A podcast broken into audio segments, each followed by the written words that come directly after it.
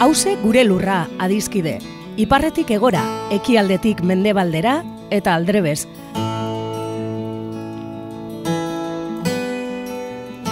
Lurra bakarra dugu edo gaituen lur bakarra da hause.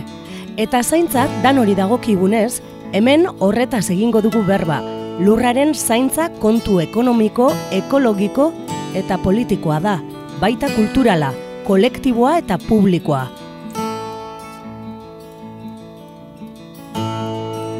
Ekopol taldeko Iñaki Bartenak eta Josu Larrinagak hause gure lurraren zaintzak dituen ataka eta kontu importantei buruz hitz egingo digute. Lurrosoaren erasoak ezin garaitu zezakeen hiri bat ikusi nuen. Agurtardi, e, entzuleok, e, bilboiri irratikoak, e, mene hause gure lurra irratza joan gaude, eta alboko mikrofonoan e, Iñaki Bartena, ekopoleko burua, zientzia politikoko irakaslea. Iñaki, zer berri? Gaurre abiadura etorri gara, e, estresaturik eta hori da, ekarri dugun gaia, abiadura. Abiadura edo lastertasun konzeptu fisikoa da, eta bere definizioa da, objektu material batek, norabide jokin batean denbora unitateko duen desplazamentua, ez? Oz, e, objektu baten denborarekiko posizio aldaketa adierazten du, ez?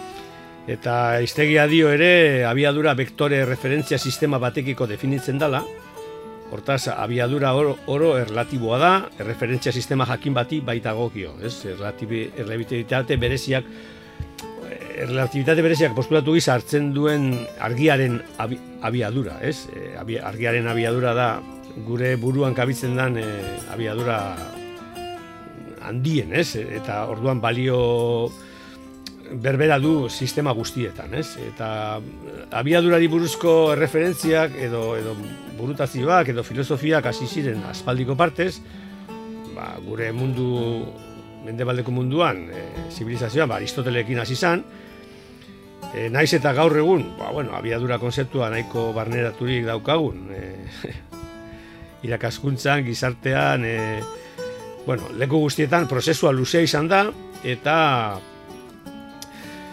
e, Aristotele hasi izan planteatzen, ba, bueno, ba, naturan presente dagoen etengabeko igidura edo mogimendua eta hori ulertzeko, ba, bueno, e, gaur egun, bueno, hori ulertzeko gaur egun fizikan erabiltzen den abiadura edo azelerazioa bezalako konzeptuak oso importantea dira, ez?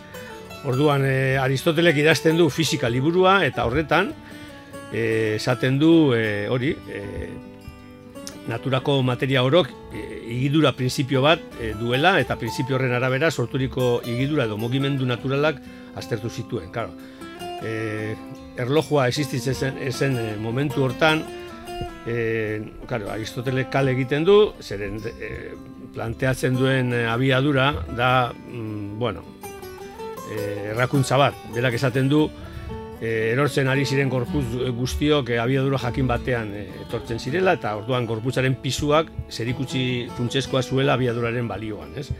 Orduan esaten zuen pisu desberdineko bi gorputz e, konsideraturik bata bestearen pisu bikoitza bazuen abiadura ere bikoitza izango zuen.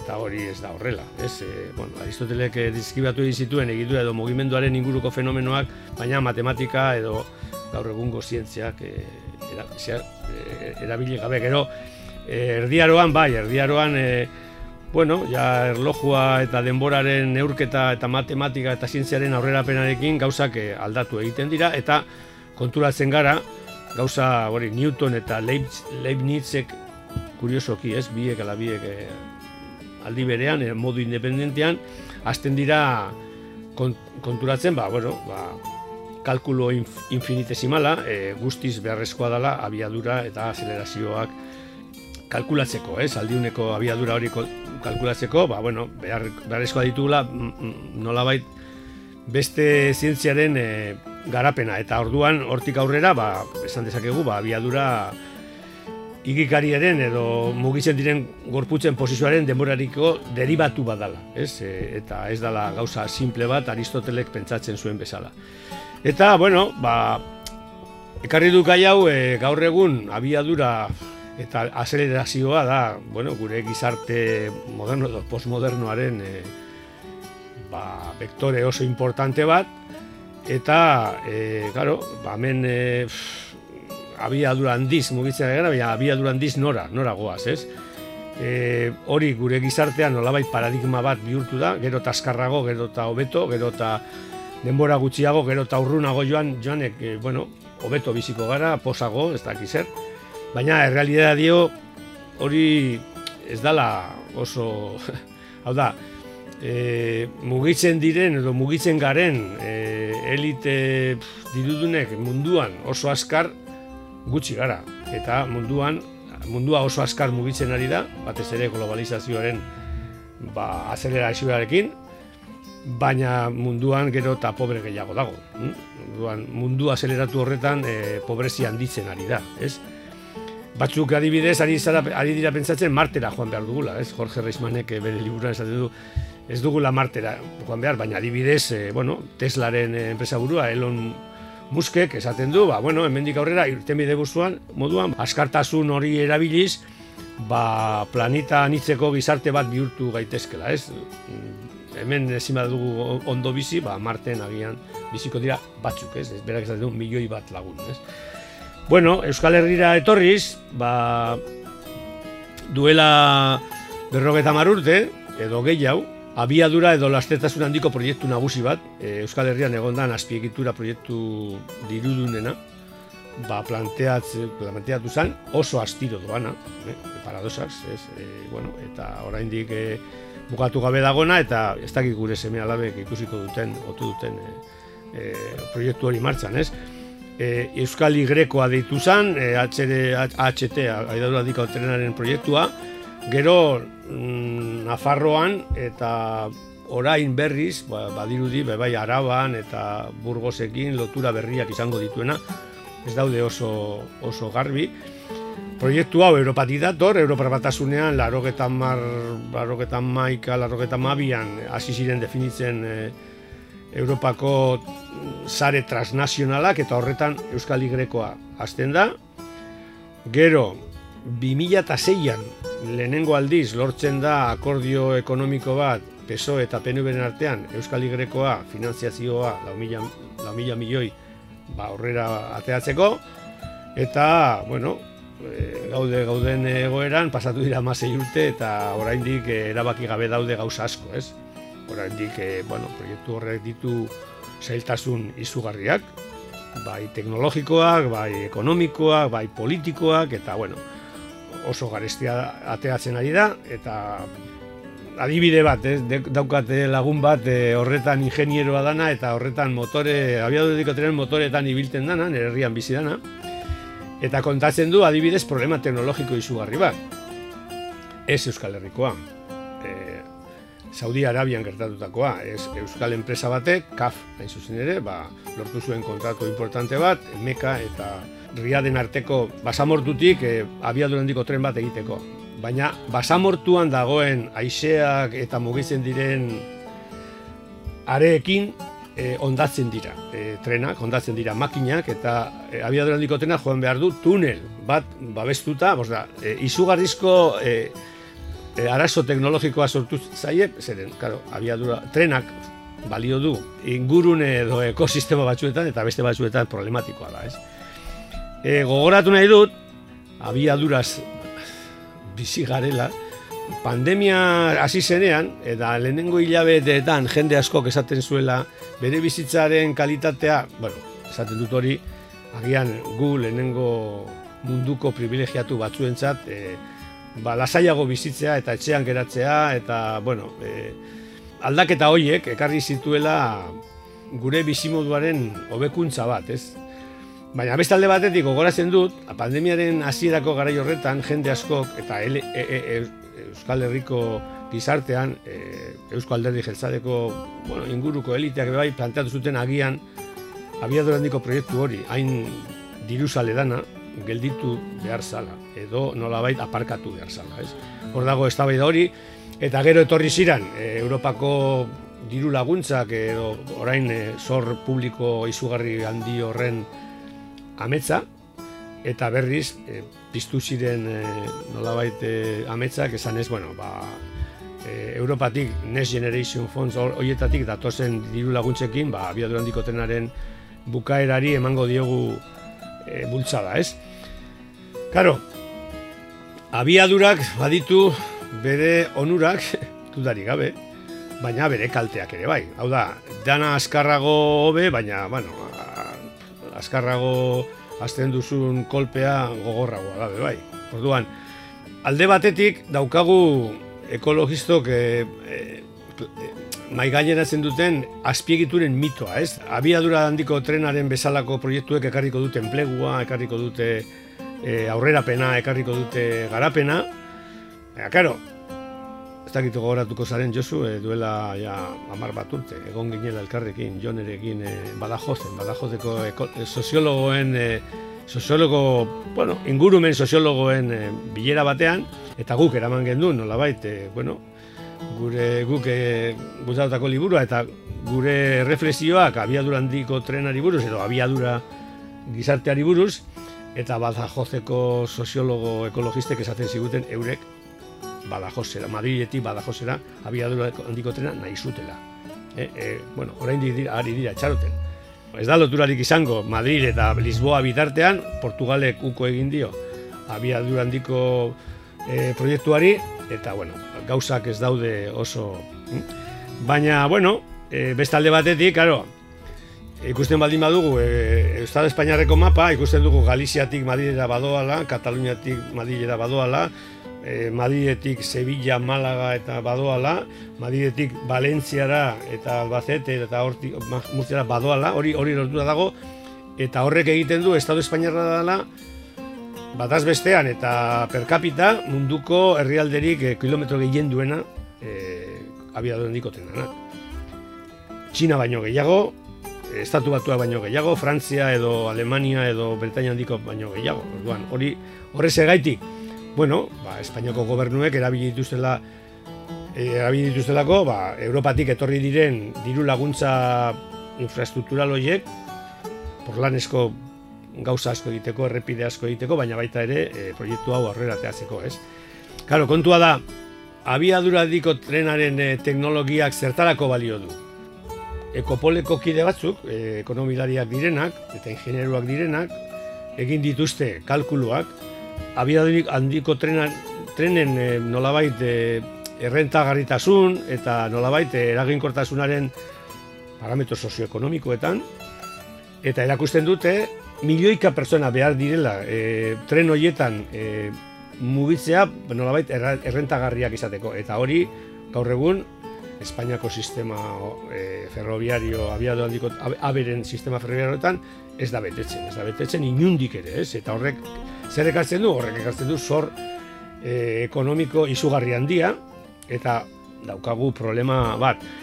E, hori aurrera doa, bai, eta politikari jarritzen dute eskatzen, badajozeko gure laguna bezala, abia handiko tren gehiago, eta hemen, hain zuzen ere, Euskal Herrian, bueno, proiektuak pitike-pitike e, aurrera doa, eta arantzatapiak Glasgowen, e, ba, azkenengo aldaketa klimatikoaren e, e, zera, e, gailur horretan esan zuen abiadura handiko tena dela nolabait aldaketa klimatikoaren kontra daukagun erramientarik onena. Claro, kalkuluak egiten ditugunean ikusten dugu azkenengo geta amasei, bueno, obra kasi ziren, no, 2000 eta neurtu beharko genituzke zenbat zeo bitona izuri diren, azkenengo amabost urtetan, obra kasi zirenetik, e, bueno, ba, mugitu diren kamiak, mugit, bueno, egin diren obrak oso, oso, oso handiak izan dira eta hori ez da kontabilizatzen. Hori ez da nolabait kontutan hartzen, e, ikusteko, bueno,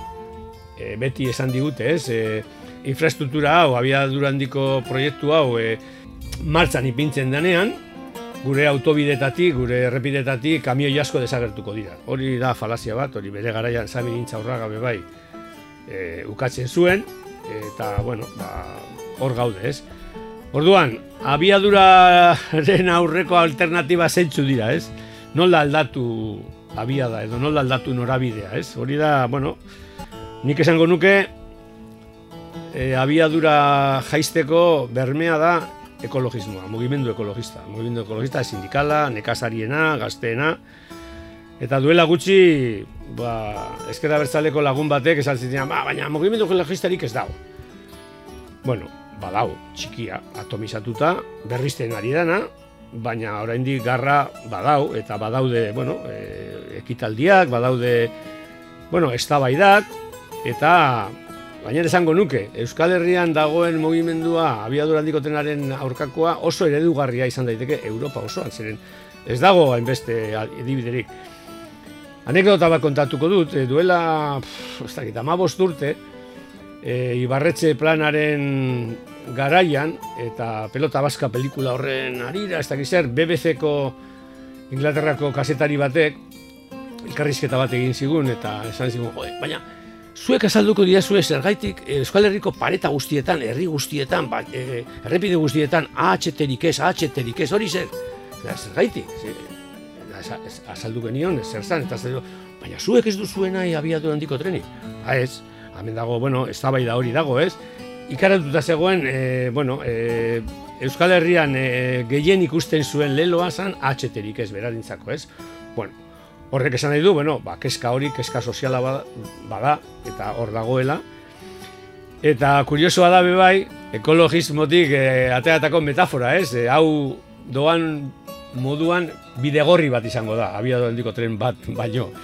Baina duela gutxi, bueno, Andoni Hortuzarrek hori, nolabait e, metafora hori desitxuratzen, esaten zuen, ba bai, askartzen espada eta diru gehiago etortzen espada, hau e, bidegorri bat izango da. Bueno, ba, ba, bueno, ez dakit, e, niko goratzen naiz, gazte aroan, e, lemoizen kontra ari ginenean, eta lemoizetik zerbait ibasi, ira, irabazi horretatik zerbait ikasi behar dugu, Arzaiusek eta bere lagunek esaten ziguten lemoizik gabe asak eta eta kandelakin biziko ginela, ez? Asa jaten eta bueno, e, zer egin abiadura jaisteko? Bueno, ba, badaude munduan zehar slow moteltzeko mugimenduak bai slow food edo eredu agroekologikoan edo ekonomia lokalean edo ekonomia zirkularrean. Badaude iniziatiba pilo bat gauzak beste modu baten egiteko. Hemen bebai e, ari da planteatzen tren soziala. Hau da, askotan esan dugu abiadura handiko trena dala trenaren aurkako teknologia potenten. Hau da, teknologikoki abiadura handiko trena egiten da egazkinarekin konpetitzeko, ez? E, e, abiadura handiko trena erabiltzen dute, ba, hasi zan, adibidez, lehenengo, Europan dagoen lehenengo abiadura handiko trena da Paris-Lyon. Eta hori da lautada bat, zeireun kilometrotakoa, eta orduan, Paris eta Lyon artean mugitzen diren, ba, elite ekonomiko, korporatibo, empresarialak, azkarragoa llegatzen dira, Lyoneko erditik e, Pariseko erdira, egazkinez, baino, ba, tren, abiadura handiko trena. Hor, hor, bada teknologia kompetitibo bat, ba, zentzu horretan, baina hemen Euskal Herrian nik esango nuke bai bizikleta asko behar dugula eta tren e, sozial bat edo tren egituratzaile bat ditugun baiaren artean mugitzen dana. Bakarrik emango dut datu bat. E, Euskal Herrian askoz tren kilometro gehiago zegoen hogei garren mendearen hasieran gaur baino. Orduan, non dago alternatiba? Bueno, pues, abiadura jaitsi behar dugu, motelago eta hobe bizi behar gara, lan gutxiago e, egin behar dugu lan, lan daukaten horiek, hm? zaintza gehiago eta denbora libre ere, orduan. Moteltzea, abiadura moteltzea, ezinbestekoa da hobeto bizi izateko. Hori da nire, nire planteamendua. Edertu inaki e, zure zea, e, ekarri digo gora, orain dela iruzpala urte, e, Pamiela etxeak publikatu zuen liburu bat, e, Taf, izien le, lebiatan fuese una sirena, Ander Audikana izeneko Deustu Unibertsitateko irakasle batek e, idatzitakoa, bere doktore tesiaren e, ondorioa da liburua, eta kuriosoa da, ez da hor esaten du, HT proiektuak Estatu Espainiarrean bilakatu zirela eliten arteko leia bat, hain zuzen ere, bada jozeko lagunak bezala, ona ekarri, ona ekarri nola baite hori, leia bat e, HT proiektuak e, erakartzeko euren lurraldetara e, eta berak ere audikanak esaten du salbu eta e, Euskal Herrian non e, bueno, hori aurkaritza aurkaritza zabala zabaldu zen, ezta? Hemengo elitea ere leia horretan sartu zen eta bere hori EAJak e, urte askotan e, Madrileko kongresuan eduki duen posizioagatik eta segurazki momentu askotan lortu ditu alako inbertsioak erakartzea, baina nola ere audikanak anomalia hori e, zera, ez da, e, kostatatzen du. E, e, Euskal Herrian ez dago bat ere argi populazioak ia benetan nahi duen e, nahi zuen proiektori, baina egia dare e, abiadurak e, badaukala sarma eta abiadurak badaukala e, bere erakargarritasuna, ezta?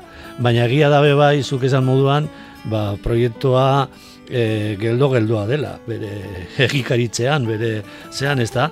Nik, nik pensatzen dut, eta hori azkenian igual aztertu beharko litzateke, baina pensatzen dut, askozaz az, abiadura azkarragoan zautu dituztela e, dirutsak, enpresak, konzesioa dituzten enpresak, eta horregatik ere orain ezin dutela gelditu proiektua e, diru, diru batzuk gastatu direlako agian kobratu baino lehen eta orduan orain e, e, kobratu behar da, ezta? Ni goratzen naiz aspaldian proiektuaren azmentetan zegoela horre ba, egon ziren gazteizen e, jardunaldi ofizial batzuk eta hor esplikatu zuten e, e, finanziazio sistema bizkaitarra deitzen zuten orduan, ba, zen e, sistema bat e, orduan e, eurora konbergitzeko Europako ekonomiek ezin zuten e, e, sorpetze maila pasatu eta orduan e, Bizkaiko diputazioan e, zera errepideak egiteko asmatu zuten sorpetze sistema bat e, kontabilidadean e,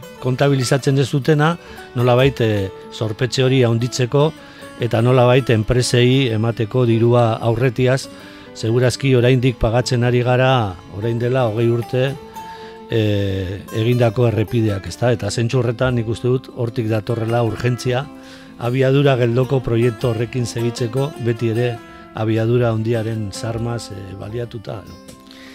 Bai, zoritzarrez hor e, bebai ikusten du ate birakarien fenomeno importante bat, hau da, e, instituzio publikoetatik historizko dirutza eta bizkaiko kasuan eta euskal herriko kasuan eta nafarroan hori nabarmena da enpresa batzuekiko izugarrizko sorpetze prozesuak eta irabaziak eta bueno, elkar laguntzak eta elkar dependentziak eta karo e, finanziazioak egiten dira urte e, luzetara, epe oso luzean, eta, eta karo, horrek sortzen ditu, sortzen dituen e, inertziak eta dinamikak eta, eta dependentzia, karo.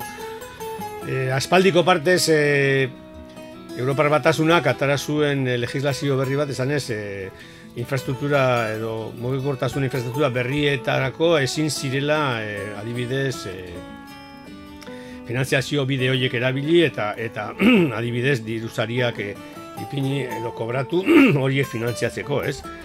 Bueno, lehen esan dizudan bezala, bai, handera audikanaren tesia ondo gogoratzen du zen, bueno, elkarrekin egon ginen e, entrevista batzuk egiten, eta, bueno, e, bere lana hori nolabait lurra antolaketaren e, ikuspegi zabal hori ikusteko, ba, bueno, abiadura handiko proiektu hauek zer suposatzen duten, ez? Eta nire ustez, bai, aipatzen zuen Euskal Herrian zegoen berezitasun hori, ez? E, berak e, Suizatik e, bil izan, Frantzian bebai, bere tesia e, e, burutzen eta eta bueno, eta ikusten zuen hemen zegoela hori nik komentatu duena, ba arkakotasun importante bat, ba, horrek adierazten du, ba, mugimendu ekologista bat nolabait bizirik e, mantendu duela gar hori, ez?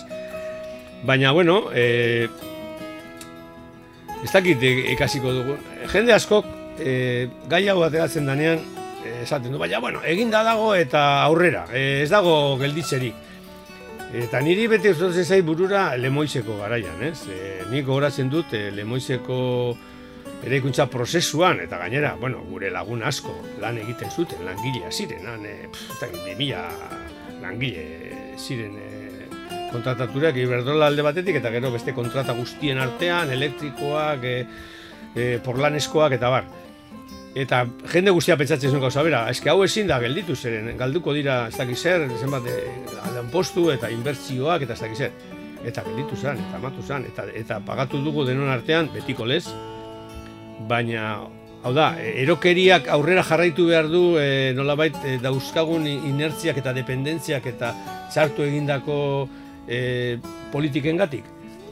Ez, ez, gauzak aldatu behar dira. Zoritzarrez, zoritzarrez, kolapso gehiago, hau da, e, bizi izan dugun pandemia hortaz aparte, ba, e, urrengo urteetan, e, epe motzean, ba, etorriko dira kolapso gehiago, energetikoak edo klimatikoak edo osasunezkoak eta bar, begiratu, zakit, eza, Europan gerra balago, momentu hontan. Eta gerra horrek suposatzen ditu aldaketa asko, gauza askotan. Orduan, zergaitik eh, jarraitu behar ditugu norabide edo abiadura proiektu hoiekin, ez? Nire ustez eh, hori refleksio horiek zabaldu behar dira, eta agian hori norabide aldatu behar da. Dago besterik. Edertu inaki, ba letra horri musika ere jarri beharko zaio, beto sartzeko, ze kanta ekarri duzu gaur. Bari, ari nintzen bilatzen, e, bueno, bizikleta hori, bidegorriak gora eta bera, ba, bizikleta baten e, e, kantu bat, baina, bueno, e, badakizu ni oso klasikoa naizela. Eta orduan ni nire gaztearoko e, bueno, talde edo, edo, edo, edo, kantari klasikoetara jo dut eta niri asko gustatu zait beti Crosby, Still eta Crosby, Still Nash Jaun gehiago. Eta bueno, hau daukate trenari buruzko tren. E, ezagutu dudan tren oso interesantea, Casablancatik e, Marrakesera doan trena eta daukate kantaz izugarre politika, polita. E, gainera kantar esate dute tren horretan dano kabitzen garela, ez? E, abiaduriko trenan ez, ez, da jende guztiak kabitzen. Baina honetan bai, honetan e, jende guztiak kabitzen direla, edo kabitzen garela, ondo pasatzeko, e, Afrikako paisaiekin e, disfrutatzeko, eta hori, hartu dezagun trena, eta joan gaitezen Marrakesera Crosby, Still, Naus, Anjonekin. Ederto.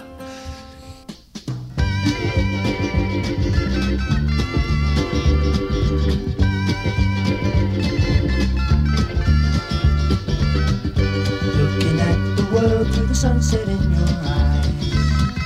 Traveling the train through clear Moroccan skies. Ducks and pigs and chickens call. Animal carpet wall to wall. American ladies five foot tall. Sweeping cobwebs from the edges of my mind. Get away to see what we could find. Hope the days that lie ahead bring us back to where they've led. Listen not to what's been said to you. Would you know we're riding on the Marrakesh Express? Would you know we're riding on the Marrakesh Express? They're taking me to Marrakesh, all on board the train, all on board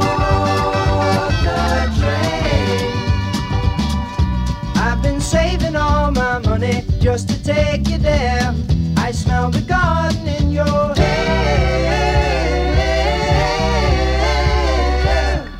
Take the train to Casablanca going south. Blowing smoke rings from the corners of my, my, my, my, my mouth. Gold buttons hang in the air. Charming cobras in the square. Striped leathers we can wear at home. Well, let me hear you now. Would you know we're riding on the Marrakesh Express? Would you know we're riding on the Marrakesh Express? They're taking me to Marrakesh. Would you know we're riding on the Marrakesh Express? Would you know we're riding on the Marrakesh Express? They're taking me to Marrakesh. All on board.